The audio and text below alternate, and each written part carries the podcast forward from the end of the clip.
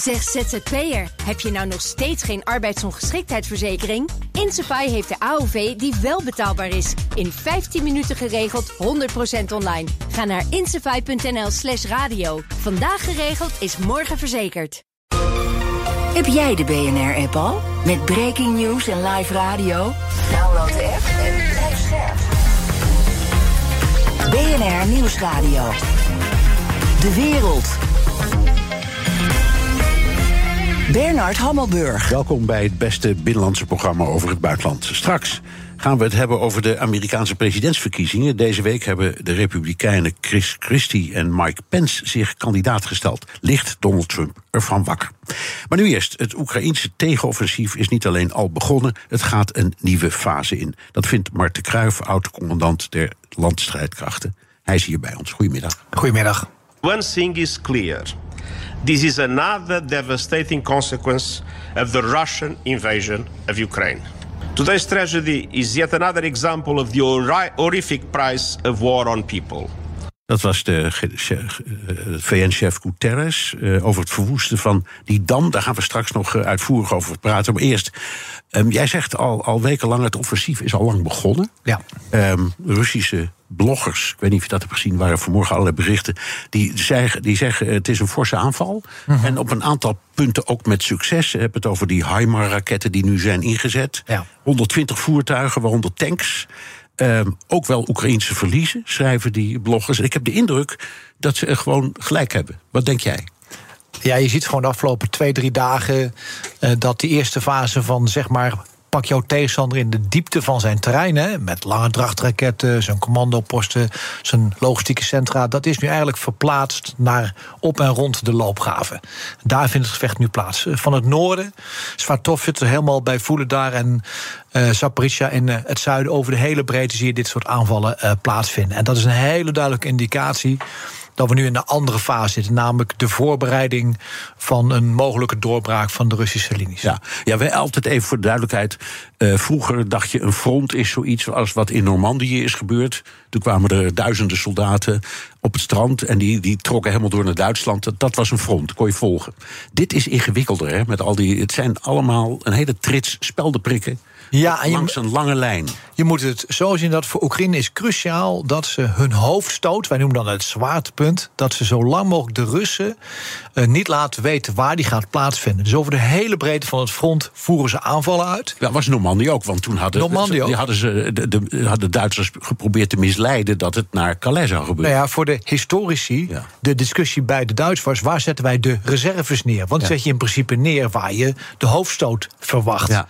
En de Oekraïne probeert eigenlijk om de Russen in het ongewisse te laten waar die hoofdstoot komt, zodat je niet weet waar die reserves moet inzetten. Want het is wel 600 kilometer frontbreedte. Dus ja. je moet wel kiezen waar je ze gaat neerzetten. Ja, en ze hebben niet genoeg, hebben de Russen niet genoeg om dat hele front gewoon te bemannen?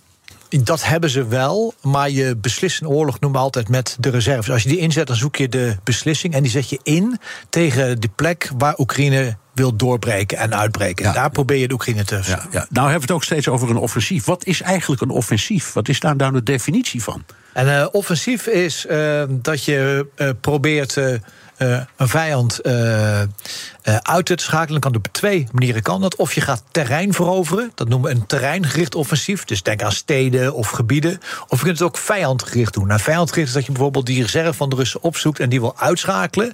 En je bedoelt daarmee om een tegenstander jouw wil op te leggen. En uiteindelijk daarmee de oorlog te kunnen winnen. Ja. En ook even, tot die vraag ook maar even: wat is winnen? Ja, ik vraag me af of deze oorlog überhaupt een winnaar kent. Hè, na de gebeurtenissen afgelopen week met de Dam. Maar voor Oekraïne is hun cruciale uh, strategische opdracht is lijfsbehoud. Het land behouden en zoveel mogelijk terrein daarbij behouden. Ja. En voor Rusland is natuurlijk de opdracht anders. Dat is proberen op een of andere wijze Oekraïne onder invloed te gaan brengen. Ja, je hoort van alle kanten dat al die afleidingsmanoeuvres er uiteindelijk op gericht zijn dat de Oekraïners toch beginnen met de Krim, als ze echt beginnen. Of als ze verder gaan met waar ze al echt mee begonnen zijn. Is dat een verhaal dat jij ook hoort en dat jou logisch lijkt? Nee, ik acht de Krim zelf niet zo logisch. Nee. En er zijn twee redenen voor voor deze week. Het eerste is, naar de Krim moet je via een landtong die heel smal is. Daar word je als militair niet zo vrolijk van. En het tweede is het sterke vermoeden dat als je op de Krim komt... wat toch anders is dan de bezette gebieden met veel meer Russen... Uh, die daar wonen van huis uit en Krim-Tartaren... Uh, dat dan uh, Poetin wel uh, met kernwapens op een of andere wijze gaat rammelen. Ja, jutje. Dat is. En het doorsnijden van die uh, verbindingsroute? Ja, dat zou heel goed kunnen. Ja. maar dat, dat kan dus vooral zeg maar, in het gebied wat verder naar het oosten, naar Melitopol. Eigenlijk het gebied wat Oekraïne nu heeft, een weg vinden naar de zee van Azov. Ja, ja. Dan sta je dat af. Ja. Um, de Russische luchtmacht, daar horen we zo weinig van. Is dat omdat we niet goed luisteren of kijken? Of wordt die echt niet of nauwelijks ingezet? Nou, dat is een hele goede opmerking, want dat is wel een beetje een raadsel. We hebben de Russische luchtmacht nog niet zo gezien. En analisten zeggen dat het komt door slechte inzetbaarheid van de vliegtuigen. De vliegers zijn niet zo ervaren. Ze hebben weinig precisie, munitie. Maar hij is er nog wel, die luchtmacht. En ik denk dat een van de uitdagingen is... als je als Oekraïns leger een doorbraak kunt plegen ergens dan moet je heel veel middelen op een klein gebied concentreren. Dan ben je ontzettend kwetsbaar voor de Russische luchtmacht. dus op een of andere wijze moet je proberen dat die luchtmacht daar niet kan ingrijpen. En dat doe je door luchtverdediging vanaf het land vanaf de grond en door de lucht zelf. En uh, dat zal een hele belangrijke fase zijn in deze oorlog. Kun je de Russische luchtmacht weghouden van die grondtroepen van ja. Oekraïne? Nou ja, wat ze nu hebben blijkt behoorlijk te werken. De Patriots, uh, ja. Het Spaans-Franse systeem wat je ook hebt. En dan is er ja, een Duits systeem. Ze hebben een Noors-Amerikaans systeem. NASAMS, yes. ja, het, zijn allemaal, het zijn allemaal hele geavanceerde en ze werken. Hè? Het klinkt een beetje raar, maar wij noemen het de gelaagde luchtverdediging. Elk systeem heeft zeg maar een laag waaruit ze kunnen schieten. De ene schiet tot 3 kilometer, Patriot schiet tot 10, 15 kilometer hoog. Dus je hebt verschillende lagen in die luchtverdediging. En die moet je slim inzetten tegen de goede doelen. Ja. Maar dat is niet zo eenvoudig, want die Patriots kun je niet aan de frontlijn zetten. Hè. Die moet je wel buiten het bereik van de Russische artillerie zetten. Ja. Want dan is je Patriot kwetsbaar, die ja. is niet gepantserd. En duur. Ik, ik, las 4 miljoen dollar per raket in zo'n Patriot. Het loopt lekker op. Ja, je hebt uh, verschillende raketten, maar de Pak 3, dat is de duurste. Ja, ja daar moet je dan even voor in de baan optasten. Ja, precies. Welke gebruiken ze? Want die, die, die, die Pak 3 is geloof ik bedoeld om vliegtuigen uit de lucht te schieten. Hè? De Pak 3 is het meest geavanceerde. Ja. En het gerucht gaat, kunnen we niet zeker vaststellen... dat bijvoorbeeld dat hypersone wapen wat de Russen hebben ingezet... die hele snelle raket, dat die uit de lucht is gehaald met een Pak 3 raket. Ja, dat was op zichzelf bijzonder, want Poetin zei... dat met dat ding, dat ding kun je niet tegenhouden. En wij geloofden hem ook. Hè, toen. Je, uit, uiteindelijk kun je alles tegenhouden. Ja, ja, ja. Uh, even naar uh, die um, uh, Navkarlova-dam. Ik hoop dat ik het goed uitspreek. Um, je hebt gezegd ook bij de uitzendingen van BNR dat is een schending van het oorlogsrecht. Ja. En dan denk ik altijd, ja, dat, waar leg je nou de, waar trek je nou de scheidslijn tijdens een oorlog, waar voortdurend de meest vreselijke dingen gebeuren, ja, ja. En, en het plegen van een misdrijf? Maar juist omdat er zoveel vreselijke dingen gebeuren in oorlog, hebben we altijd geprobeerd sinds de akkoorden van Genève, zeg maar meer dan 100 jaar terug, om daar toch een of andere bescherming aan te geven aan burgers en krijgsvangen militairen en andere zwakke groepen. En wat hier gebeurt zijn twee dingen. Een stuwdam is een beschermd object. Dat mag je dus niet zomaar voor militaire doeleinden gebruiken. Dat is kennelijk nu wel gebeurd. En de proportionaliteit van het opblazen van een dam is die in lijn met een militair doel? En dan kun je simpel zeggen, in dit geval de ecologische ramp, de humanitaire ramp, is veel groter dan het militaire voordeel. Ja, militair is het niet zo heel erg belangrijk, hoe gek het ook klinkt. Ja, klopt. Dat klopt. Nou, nog even hoe. Um, ik weet er niets van zelf, jij weet er meer van. Ik heb steeds de indruk dat iemand heeft daar een springstof in gebracht. En die ja. is vervolgens op de een of andere manier met een timer of met een mobiele telefoon of met een schot tot ontploffing gebracht. Hoe, hoe, wat, wat, denk je dat er gebeurd is? Je moet je uh, voorstellen dat uh, zo'n dam is ongelooflijk dik en sterk. Dat is gewapend beton, die is gebouwd om aardbevingen te gaan weerstaan. Ja.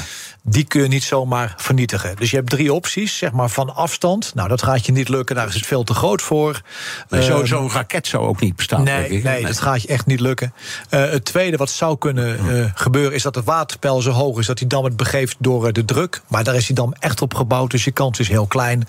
En dan moet je het van binnenuit. En dan wordt het een technisch verhaal. Maar de genisten van de landmacht die kunnen alles opblazen. Die zeggen: je moet drie dingen doen. Je moet veel lading hebben. Dus honderden, zo niet duizend kilo. Je moet het onder de waterlijn laten springen. Nou, de machinekamer van deze dam ligt onder de waterlijn. En daar is de muur net dunner. En je doet het altijd aan de kant van het stuwmeer. Waarom? Een explosie zoekt altijd de tegendruk op. Dus dan ben je het meest effectief. Nou, die drie dingen zien we wel een beetje hier gebeuren. Dus technisch duidt er heel veel naar dat degene die de dam beheerste ook deze dam heeft opgelost. Ja, dus, dus jij zegt het kan niet anders dan, dan dat de Russen zijn. Nou, laat ik het heel netjes zetten. Ja. Hoogst waarschijnlijk. Nou ja, ik, ik vraag het omdat. eh, Premier Rutte zei het al meteen, hè? Dat hebben de ja. Russen gedaan. Ik vond dat toen wel een Ja. beetje voorbarig. Vooral ook omdat bijvoorbeeld in het Veiligheidsraaddebat.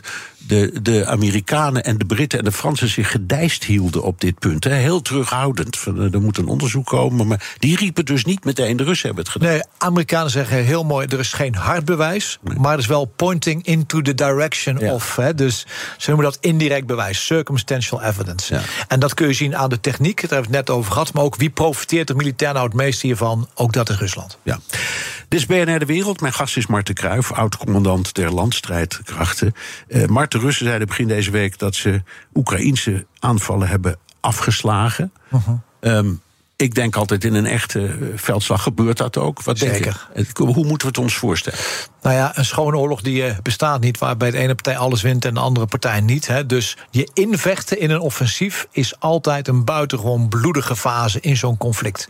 Ook omdat de Rus zich ter verdediging heeft voorbereid. Hè. Dus die is ingegraven, heeft loopgraven gemaakt, heeft mijnenvelden gemaakt. Daar, daar, daar, daar kom je niet zo mee. Dat, dat kost echt bloed, zweet en tranen om met Churchill te gaan spreken. Dus dat er ergens een aanval ook zal worden afgeslagen, alhoewel de beelden heel weinig laten zien, dat zal ongetwijfeld gebeuren. Ja. Ehm, je hoort ook steeds maar zeggen. eh, het is nu een beetje kwaliteit versus kwantiteit aan het worden. Eh, de Oekraïners zijn zeer gemotiveerd. Hun leger is, eh, is goed getraind. Mhm. Ja. Ze hebben inmiddels de middelen. Ja. om mee te kunnen schieten, zal ik maar zeggen. En wer- dat werk te kunnen doen. De Russen hebben dat allemaal niet, maar die hebben wel heel veel. Het is wel veel oude meuk, maar het is wel veel. En ze hebben onbeperkt mensen. En geduld. Ja, en wat de Russen ook hebben, is zeg maar de oude tactiek. En het haal je al een beetje aan van vernietiging door vuren. Dus we hebben heel veel kanonnen, raketten, artillerie, heel veel. En zijn eigenlijk gewend om daar, wij noemen dat de war of attrition. Dus zeg maar ja, het, uitputtingsoorlog. Het, het slijten van jouw tegenstander door een enorm gebruik van munitie te doen. Ja, daar zijn ze gewoon goed in. Dus dat betekent dat je als aanvaller altijd moet proberen te blijven bewegen. Want zodra je stilstaat, word je ontzettend kwetsbaar voor die Russische artillerie. Ja.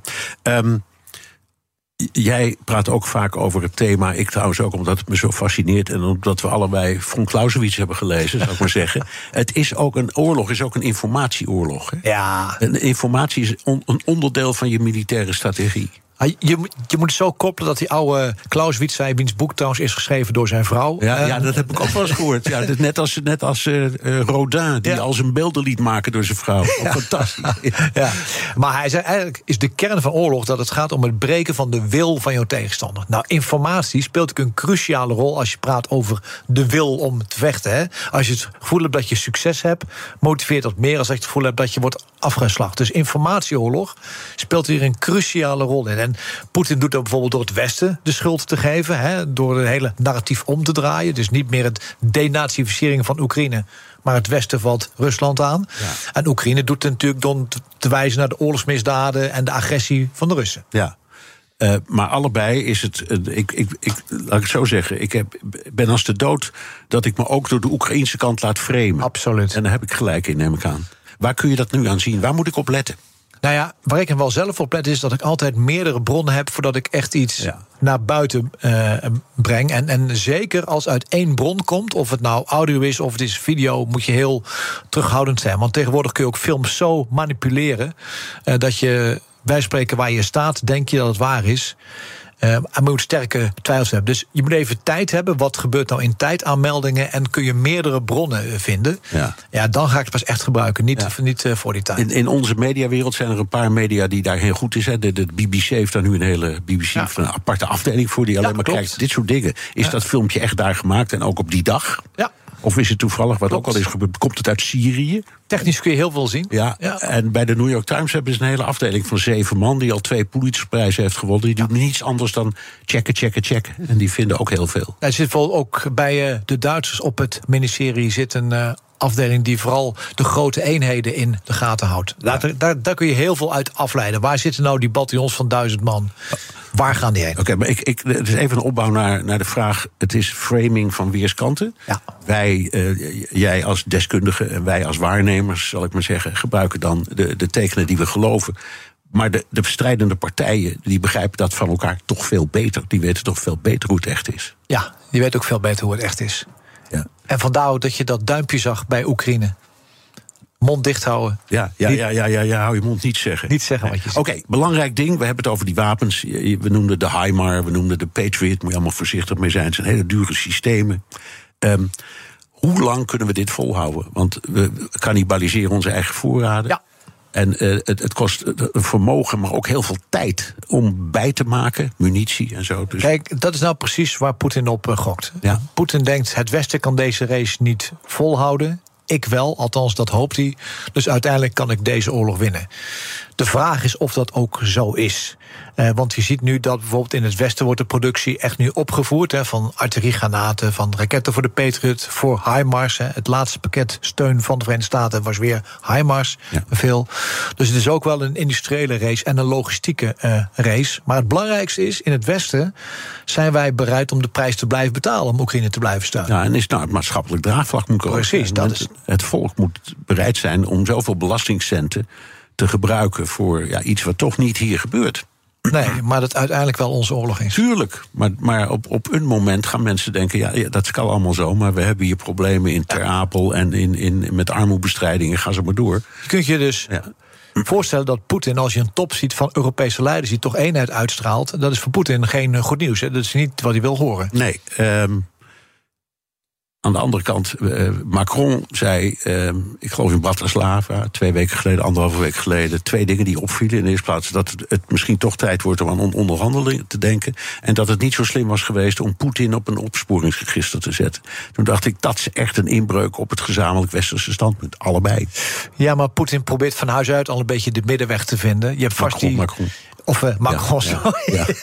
maar je hebt vast wel dat filmpje gezien van Macron... of die anderhalf uur durende reportage... Waarin ja. hij onderhandelt met eh, Poetin. Macron zei overigens ook dat de NAVO hersendood was. Ja, en hij zei, maar ze hebben. Vier jaar terug. Ja, maar ze, hij zei nu ook in diezelfde toespraak. de, ehm, ze hebben eh, een, een elektroshock gehad. Het is weer in orde met de NAVO. Vond ik ook wel geest. Maar het is heel slim, denk ik, om toch een beetje middenpositie in te kunnen nemen. Want dan ben je wel de eerste die een brug kunt slaan. Ja. Dus dat begrijp ik wel. Ja, maar goed, het, het thema is: je moet uiteindelijk toch naar onderhandelingen. Is altijd zo. Dat is ook een wet. Ehm, er zijn eh, op, diezelfde, op, een, op een top in Singapore, dat is ook bekendgemaakt, vond ik ook apart. De, de, de, de top van 25 geheime diensten bijeengekomen. Waar hadden die het hier over?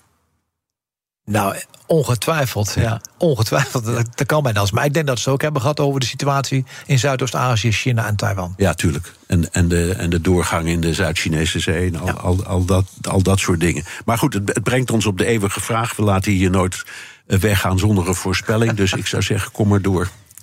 Komende dagen en weken heel, heel intensief gevechten over de volle breedte van het front. En denk dat we over één, twee weken weten waar die hoofdstoot van Oekraïne is, waar die plaatsvindt.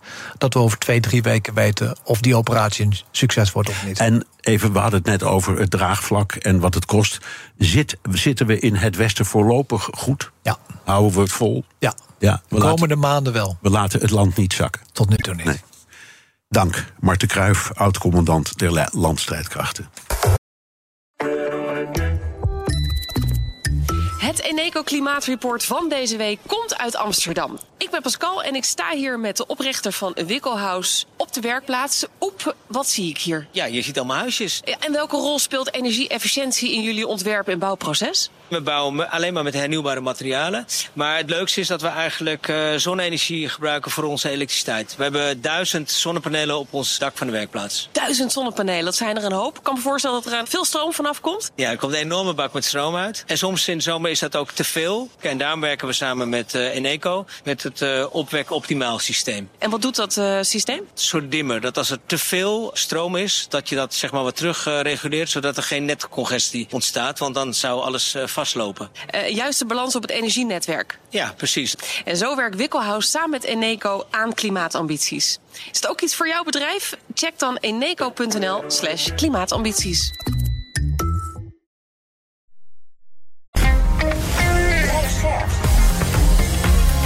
BNR Nieuwsradio. De wereld. Bernard Hammelburg. Alweer, st- alweer stelden deze week twee nieuwe Republikeinse kandidaten zich verkiesbaar voor de presidentsverkiezingen van 2024. Mike Pence en Chris Christie. Zijn deze twee nieuwe rivalen werkelijk een bedreiging voor oud-president Donald Trump? Die nog steeds ver aan kop gaat in de peilingen. Ik praat erover straks met Kenneth Manusama, die hier de, eh, jurist en Amerika-deskundige. Maar eerst met onze co- correspondent in Jan Postma, Jan Postma in Washington. Jan, goedemiddag. Goedemiddag, Bernard. Hij, eh, voormalig vicepresident Pence viel Trump vrij ingetogen en correct aan. Maar jij zag een kleine hint dat er mogelijk nog wat meer venijn in de campagne zit. Ja, Pence die, die wilde of durfde eigenlijk heel lang niet echt kritisch te zijn op Trump. Hè, terwijl de bestorming van het Capitool eh, op 6 januari eh, daar toch echt wel reden toe gaf. Maar bij deze aftrap van zijn campagne was Pence dan toch wel heel uitgesproken voor zijn doen. I believe that anyone who puts themselves over the Constitution should never be President of the United States. And anyone who asks someone else to put them over the Constitution should never be President of the United States again. Ja, dat is toch vrij duidelijk. Je hoort wel dat het publiek nog een beetje aarzelend klapt eh, daarvoor. Eh, en het was ook nog steeds een echte Pence-aanval, namelijk heel correct eigenlijk, heel netjes. Hij noemde Trumps naam ook niet heel veel. En dan vraag ik me toch een beetje af, is dit het nou? Want als je verder wil komen, dan zou je toch ook wat harder moeten zijn, eh, denk ik. Maar toen zag ik een mooi detail vanuit de zaal. Het wifi-wachtwoord voor de media. En dat, dat moet ik even uitleggen. De keuze voor het wifi-wachtwoord is vooral bij Trump-rallies de laatste tijd nog wel eens een plaagstootje. Ik heb wel eens gezien dat het wachtwoord eh, rigged elections eh, uitroepteken is. eh, allemaal aan elkaar geschreven. Ik heb wel eens what's, will the, what will the, what's with the cages, Joe, gezien. Dat was een kritiek op president Biden natuurlijk... over de situatie aan de grens. Dus zo wordt er dan een beetje geprikkeld. Een beetje gepest, een beetje gemeen ook misschien wel. En het team van Mike Pence... ja, die heeft natuurlijk die campagne ook meegemaakt. En die dachten, dat kunnen wij ook. En het wifi-wachtwoord voor gisteren bij die lancering was... kept his oath uitroepteken. Dus hield zich aan de eed. Eh, dus toen dacht, toen dacht ik, toen dat zag, nou, misschien zit er toch nog wat meer venijn in die campagne dan dat het nu lijkt. Ik hoop het in ieder geval voor Pence zelf, want anders redt hij het niet. denk ik. Nee, oké, even naar de koploper, Donald Trump. Die kwam met een duistere campagnevideo. Ja, Trump die zit echt in een donkere fase op dit moment. Waarbij eh, bijvoorbeeld die onderzoeken van speciaal aanklager Jack Smith echt boven zijn hoofd hangen, nadrukkelijk. Eh, Trump eh, is zelf ook persoonlijk een doelwit in dat onderzoek. Zou zelfs, nou, zouden juridische stappen genomen kunnen worden, is nu het verhaal deze week in de media. En deze campagnevideo die gaat onder meer daarover. Met in beeld, en je hoort ze ook grommen, gevaarlijke wolven. So, like a pack of rabid wolves. So let's impeach him. Let's get tainted radical left prosecutors to charge him. Let's conspire with Hillary and the FBI with fake stories about him. Ja, en in beeld eh, zie je dan ook bijvoorbeeld Jack Smith, die speciaal aanklager. En dat is volgens eh, mij voor het eerst dat die genoemd wordt in een spotje van Trump. En verder de klassieke Trump-beschuldigingen, of moet ik zeggen complotten, waar ook eh, zelfs Hillary Clinton, je hoorde het al, weer een rol heeft gekregen. En waar verder vooral Biden het doelwit is. Ja, Trump die slaat dus in, zijn video, in deze video zijn republikeinse concurrenten even over en gaat recht op zijn doel af. Ja, nummer twee de peilingen, Jan. Ron DeSantis heeft moeite met zijn eigen naam. Ja, dat viel een paar oplettende kijkers op. Dat Ron DeSantis zijn naam steeds anders uitspreekt. En, en dat is natuurlijk niet een enorm belangrijk issue. Maar toch best wel raar als je dat bij je eigen naam doet. Want je weet toch zelf, zou je zeggen, het beste hoe je dat uitspreekt. I'm Ron DeSantis. I'm Ron DeSantis. I'm Ron DeSantis. My husband, Ron DeSantis. I am Ron DeSantis. Hi, Ron DeSantis. I am Ron DeSantis. At rondesantis.com. I'm Ron DeSantis. Ja, Ron DeSantis of Ron DeSantis. Uh, ja, hij zit in een, in een fase waarin het wat minder loopt in zijn campagne. En dan wordt zo'n stom onderwerpje ook ineens een punt. Uh, werd al gesuggereerd dat hij af en toe uh, zijn naam wat Spaanser maakt voor de Latino-kiezer. Nou, dat zou in Florida en, en in heel Amerika natuurlijk is dat een belangrijke groep, dus dat zou kunnen. Maar de campagne zelf werd ernaar gevraagd, die kwamen niet met een duidelijk antwoord. En DeSantis zelf ook niet. To correct the record, what is it? Oh, this is ridiculous, these stupid things. Listen, the way to pronounce my last name, winner. Nou, dat is dan wel weer een mooie. Dat zijn ook zijn pronouns, denk ik, winner. Uh, typisch DeSantis uh, brengt de laatste tijd zijn boodschap wat minder goed over. En, en, hier brengt hij dus ook geen boodschap over eigenlijk. Dat zorgt voor wat irritatie. En uh, ja, hier zit ook de minachting naar de pers in natuurlijk. En dat werkt altijd goed voor DeSantis of DeSantis. Ja, groot verschil tussen Republikeinen en Democraten. Bij de Republikeinen staat de ene na de andere kandidaat op. Bij de Democraten blijft het stil. Ja, wel opvallend daar, want we hebben uh, Marianne Wilson, Williamson en we hebben uh, Robert Kennedy Jr. Dat zijn de twee tegenkandidaten, allebei ja, niet heel serieus uh, genomen. Maar die Robert Kennedy Jr. die peilde toch zomaar op 20% afgelopen week. hoger dan veel mensen en ook veel mensen in de Democratische Partij dachten dat hij ooit kon komen. Zegt nog niet zoveel natuurlijk, maar het zou een uiting kunnen zijn van toch wat onvrede bij sommige Democraten die geen zin hebben in Biden, maar ook geen alternatief hebben. want normaal gesproken is die Kennedy die echt geen serieuze uh, kandidaat natuurlijk. En het blijft een beetje stil verder. En uh, bij die Republikeinen test nou, de een na de ander het badwater. Uh, dat leverde bijvoorbeeld deze beeldspraak op bij CNN. When you talk about this crowded field, it kind of reminds me of like a, a crowded jacuzzi. Nice. Right? At a certain point. Is that how you think of it? A little bit. At a certain point, aren't there just too many people in the jacuzzi? Ja, zijn er niet te veel mensen in dat bubbelbad? Want het dreigt zo niet een herhaling van 2016. Hè? Toen was de anti-Trump-stem heel verdeeld door al die verschillende kandidaten. Iedereen tegen Trump. En daardoor bleef Trump uiteindelijk vrij makkelijk overeind. Maar ja, ik denk dat een groot deel van de luisteraars dat allemaal niet gehoord hebben. Jij misschien ook niet, Bernard, want die waren vast, net als ook ik en ook Jake Tapper, een beetje afgeleid door het beeld van tien republikeinen in een bubbelbad. I can't get the image of the jacuzzi out of my head, and I do not thank you for that. Yeah, that was on purpose. Ja. Dankjewel, Jan Postma, onze correspondent in Washington. En we praten verder over Amerika met Kenneth Manusama, jurist en Amerika-deskundige. Welkom, fijn dat je er bent. Um, eerst even stilstaan bij uh, Trump. Wat is zijn positie op dit moment? De mijne is steeds dat al die tegenstanders eigenlijk niet zoveel uitmaken... dat hij maar overeind blijft. Ja, Trump, eh, Trump, blijft overeind. Hij staat overeind. Hij staat hoog in de peilingen, eh, duidelijk aan kop. Um, maar belangrijker misschien nog, alle andere kandidaten... die moeten zich op een bepaalde manier verhouden tot, uh, tot Trump. Dus eigenlijk, uh, ze zijn heel voorzichtig met als het gaat om, om Trump aan te pakken. Dat hebben we bij het, met Pence dus gehoord. Ron DeSantis was ook heel langzaam in het een beetje proberen... weer woord te geven, tegengas te geven tegen Trump. Ja, en de rest danst er eigenlijk een klein beetje omheen... en zegt alleen maar van, um, we willen naar de toekomst kijken. Maar tegelijkertijd, ja, ja, Trump blijft uh, vier boven, bovenaan staan. Het is natuurlijk ook een teken dat hij in, zijn, in dat spotje wat, uh, wat we hebben gehoord... ook ja, inderdaad die andere kandidaten um, het daglicht niet gunt... en gewoon inderdaad recht naar Biden toe gaat. Want dat is zijn doel en daar wil hij ook wraak op nemen natuurlijk. Ja, nou goed, dat, dat is misschien goed voorspelbaar. Zijn methode is trouwens uh, bij verkiezingen toch anders dan alle anderen. Hij doet niet aan uh, retail politics. Hij gaat nee. geen deuren langs om handjes te schudden. Hij, hij doet het met van die grote rallies. Het is, het is een uh, aparte man.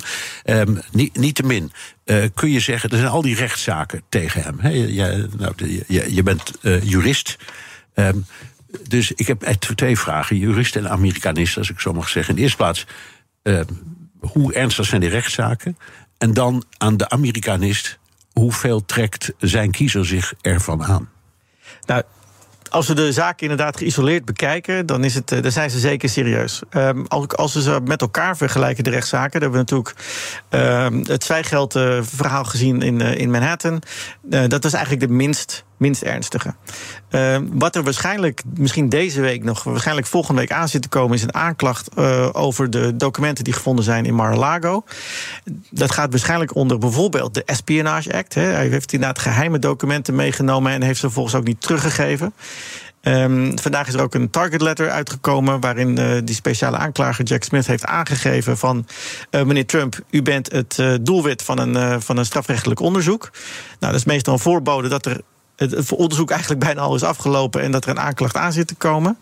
Um, en we hebben natuurlijk nog um, de zaak rondom uh, 6 januari. Dat is denk ik uh, aan de ene kant de, de, misschien wel de allerbelangrijkste zaak. Want moet, er niet, moet niet de hoogste man hier uh, aansprakelijk worden gehouden voor wat er toen is gebeurd, de bestorming van het kapitool. Um, daar zijn de bewijzen, eerlijk gezegd, wat mij betreft, uh, iets minder hard. He, dus ik heb altijd gezegd. Ja, want even daarom, omdat het, het, het houden van een toespraak of het voortdurend uh, roepen dat een uitslag is vervalst, enzovoort, enzovoort. Dat is niet netjes, maar het is geen strafbaar feit. Nee, precies. Uh, en het is natuurlijk, je moet gaan beoordelen van wat zijn woorden uh, waar, waard waren.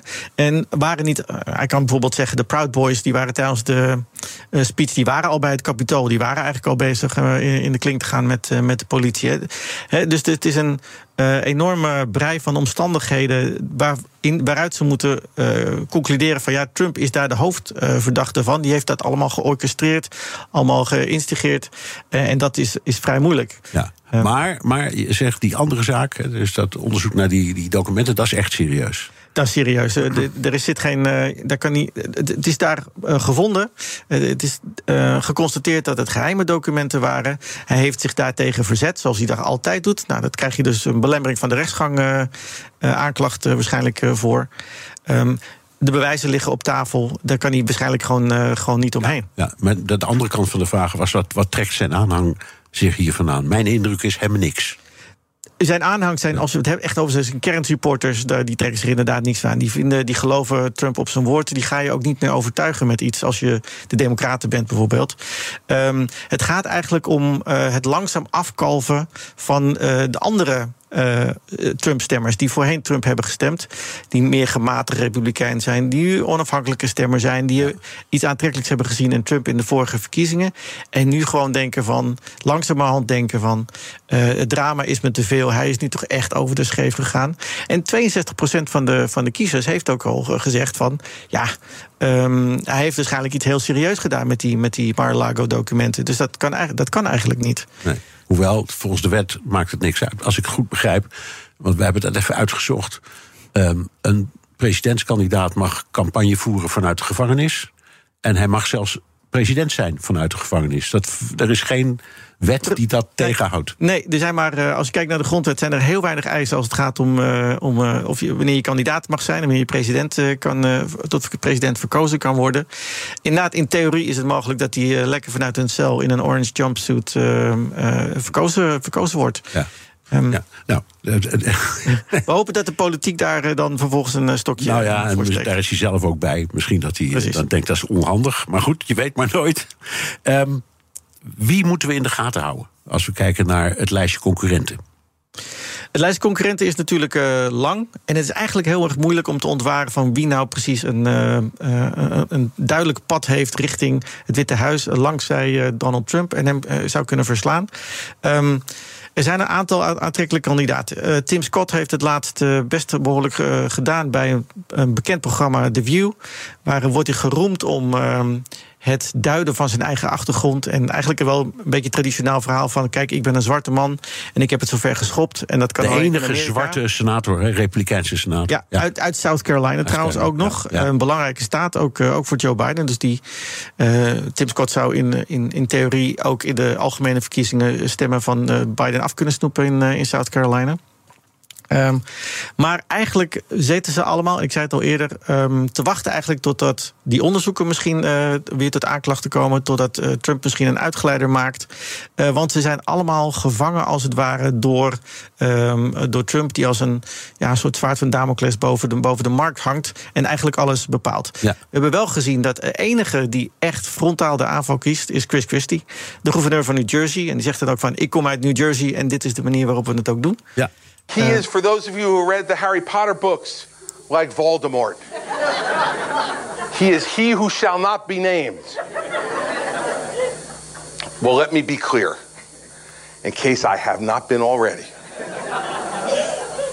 The person I am talking about, who is obsessed with the mirror, who never admits a mistake, who never admits a fault, and who always finds someone else and something else to blame for whatever goes wrong, but finds every reason to take credit for anything that goes right, is Donald Trump.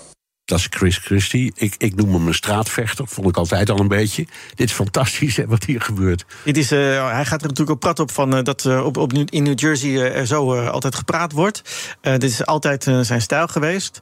Um, en hij heeft al, het was al snel bekend van als Christie in de race komt, dan gaat hij inderdaad frontaal de aanval openen. Met naam en toenaam. Onder andere de corruptie van, van zijn familie in de, tijdens het um, presidentschap. Hij heeft inderdaad geen doekjes omgewonden toen hij zijn aankondiging uh, deed. Um, de vraag is alleen. ehm, wat doet dat voor hemzelf en wat doet dat met Trump? Ja. Gaan mensen denken van Trump, eh, inderdaad, uh, Chris Christie heeft gelijk.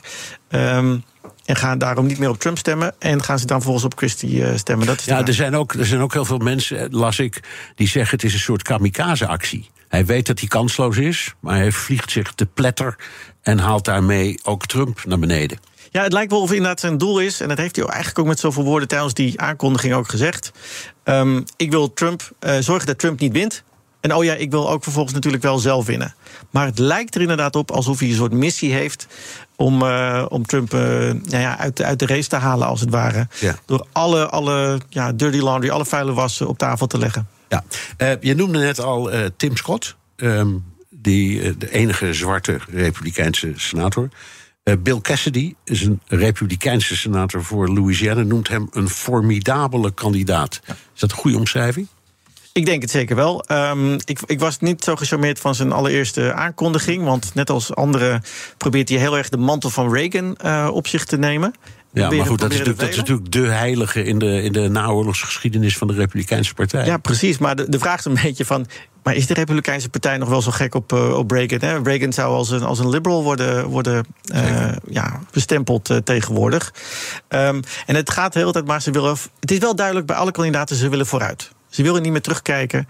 Uh, DeSantis zegt van um, um, Trump is een loser. Um, Haley zegt van we moeten een nieuwe generatie van leiderschap hebben. Met andere woorden, dit andere zijn veel te oud. ze proberen allemaal op een bepaalde manier een, een, rechtvaardiging te vinden om te zeggen van vooral niet op Trump stemmen. laten we vooruitkijken en doe mee. Ja, even naar de Democraten. Daar zijn weinig concurrenten die zich hebben gemeld. Is het de moeite waard om ze door te nemen of kunnen we ze overslaan in dit gesprek? Wat vind je? Nou ja, je noemde al dat uh, RFK Jr. zomaar 20% op een gegeven moment in de peilingen ja, haalde. Ja, maar dat, um, ja, maar dat is misschien alleen door de naam Kennedy. Hè? Dat is gewoon, ja. ja, en hij zal een deel van de, de antivaxers, want die zijn er ook binnen de, binnen de Democraten, zal hij ook achter zich hebben. Uh, maar het zal inderdaad uh, vooral uh, naamherkenning zijn. De naam Kennedy doet nog steeds wonderen in, ja. in Amerika. Ja. Maar goed, Biden, het, het, het, het, is ook meestal zo dat een zittende president niet wordt lastiggevallen bij herverkiezing door echt serieuze concurrentie. Um, en de indruk is ook dat de, de Democraten gokken. Laten we Biden maar doen. Want als Trump de tegenkandidaat wordt, wint Biden. Is die theorie juist? Ja, ik denk het wel. Uh, Biden heeft al een keer van, uh, van Trump gewonnen. Biden is verkozen omdat men breed, breed genoeg in de samenleving dacht van... Uh, we moeten af van Trump. Nou, als we dan als. Dus eigenlijk wil Biden nu ook weer Trump hebben als uh, tegenkandidaat. Want hij weet, die kan ik verslaan. En dan denkt men al snel van, nou ja, alles is beter dan, uh, dan Donald Trump. Dus eigenlijk zal Biden misschien wel Chris Christie op de. Uh, ja, niet zo blij zijn met Chris Christie dat hij al die dingen misschien zegt. Um, ja, laten we het, het, zou Biden of zouden de Democraten kunnen denken: jongens, jullie moeten daar aan de, de Republikeinse kant de zaak niet gaan zitten ondermijnen. Want het zou best eens kunnen dat Trump de, de race niet haalt in de voorverkiezingen. En dan komt er zomaar een andere kandidaat. En dan staat Biden er helemaal niet meer goed voor. Nou, dat is, de, dat is bijvoorbeeld uh, een strategie die ze ook in de voorverkiezingen van vorig jaar hebben gedaan. Dat ze stiekem in allerlei uh, verkiezingen lokaal uh, allerlei Trump-kandidaten stiekem hebben gesteund. Om maar te zorgen dat die Trump-kandidaat ook de, de Republikeinse kandidaat werd. Omdat ze dachten van die zijn makkelijker te verslaan in de algemene verkiezingen. Ja. En ik denk dat iedereen het erover eens is. Zeker ook. Uh, uh, de Republikeinse kandidaten die zich nu hebben opgeworpen. Dat als Trump de kandidaat is voor de Republikeinse Partij, dan gaat hij weer verliezen. Ja. Tegenover Biden. Ja, dus ze zijn wat dat betreft eens met de democratische redenering. Ze delen die, uh, die ja. theorie. Even terugkijken op de verkiezingen die kort geleden zijn geweest. De midterms, al niet zo heel lang geleden. Daar werd de, de, de kloof waar iedereen zich, naar mijn idee, terecht zorgen over maakt, nog groter.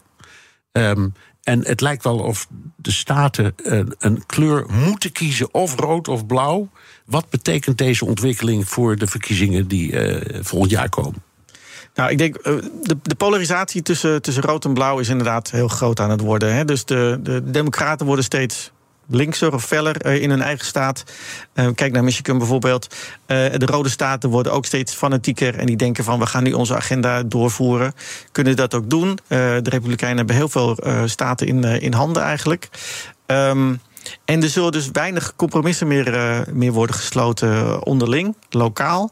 Um, en dat komt. En op allerlei vlakken gaat zich dat aan wreken. Bijvoorbeeld, kijk naar abortus. Uh, abortus in uh, bepaalde staten wordt bijna afgeknepen. Het wordt, uh, tot, wordt tot zes weken bijvoorbeeld beperkt. Terwijl in de blauwe staten daar ja, geen, beperking. tot, tot, geen, bijna geen beperkingen worden, worden ingevoerd. Dus maatschappelijk gezien gaan we op allerlei maatschappelijke issues nog meer eh, polarisatie uh, zien. En dat gaat zich dan ook volgens wreken in de kandidaten. En in de mate waarin er uh, op hoger niveau compromis kan worden ik, ik, sprak vorige week in New York een, een, groepje republikeinen met wie ik zat te praten. En die zeiden: het gaat niet, niet hier in de stad New York, maar het gaat in het algemeen in het land eigenlijk maar over twee zaken: dat is geloof en abortus. Ja. Klopt dat? Is dat een beetje is een goede samenvatting? Ja, ik denk het wel. We, we hebben gezien, um, en, ik, en ik volg dat inderdaad al juist een tijdje, dat religie uh, zo'n grote rol weer begint te spelen. Um, de scheiding van kerk en staat uh, wordt al op, op hoog politiek niveau al uh, ja, verworpen, als het ware. Denk aan congresleden als een Laura Boebert bijvoorbeeld. kan je aan de ene kant zeggen die is heel extreem, maar die heeft dus letterlijk verwoord van scheiding kerk en staat. Onzin. En het Hoge Rechtshof laat ook zien een trend zien in de uitspraken dat religie ook steeds meer een uitzonderingspositie krijgt. Uh, steeds meer als het ware gelijk wordt getrokken met andere groepen. Maar de facto daardoor weer een uitzonderingspositie krijgt. Ja, dat gaat eigenlijk, allemaal in tegen allerlei uh, basiswaarden van Amerika. Zoals wat ik zeg, die scheiding tussen kerk en staat. en een seculiere, een seculiere overheid. Um, en abortus is daar een gevolg van. Hè. Abortus wordt um, verworpen op basis van, ook, van geloof. Um, en met de, uh, de uitspraak van het Hoge Rechtshof in de DOPS-beslissing uh, vorig jaar zien we eigenlijk dat um, uh, ja, die polarisatie op dit vlak ook alleen maar groter wordt. En de, en de, en de, de weer, weer, weerzin tegen, tegen ja. geloof misschien ook wel. Ja, in, in mijn familie- en vriendenkring gaat het. het, het gezegde rond. Je kunt in Amerika met elkaar alleen nog maar over het weer praten, anders geen ruzie. Ja, precies. Ja, Oké. Dank, Kenneth Manusama, jurist en Amerika-deskundige. En tot zover BNR De Wereld. Terugluisteren kan via de site, de app Spotify of Apple Podcast. Reageren kan via een mailtje naar dewereld.bnr.nl. Tot volgende week. Zeg ZZP'er, heb je nou nog steeds geen arbeidsongeschiktheidsverzekering? Insafai heeft de AOV die wel betaalbaar is. In 15 minuten geregeld, 100% online. Ga naar insafai.nl slash radio. Vandaag geregeld is morgen verzekerd.